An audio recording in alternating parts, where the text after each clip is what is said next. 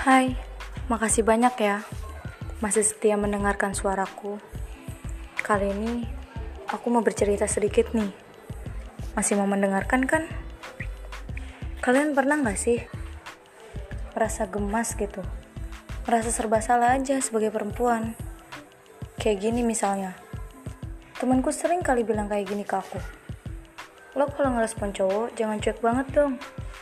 Nanti dikiranya sombong. Terus cowoknya jadi ogah deket sama lo. Ada juga kayak gini.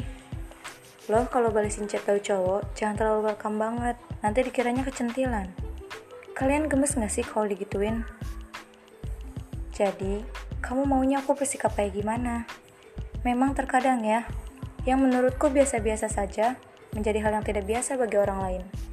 Bagi kalian yang pernah merasakan di posisiku, coba kalimat apa yang bisa kalian katakan untuk membungkam mulut temanmu? Terima kasih ya sudah mendengarkan ceritaku.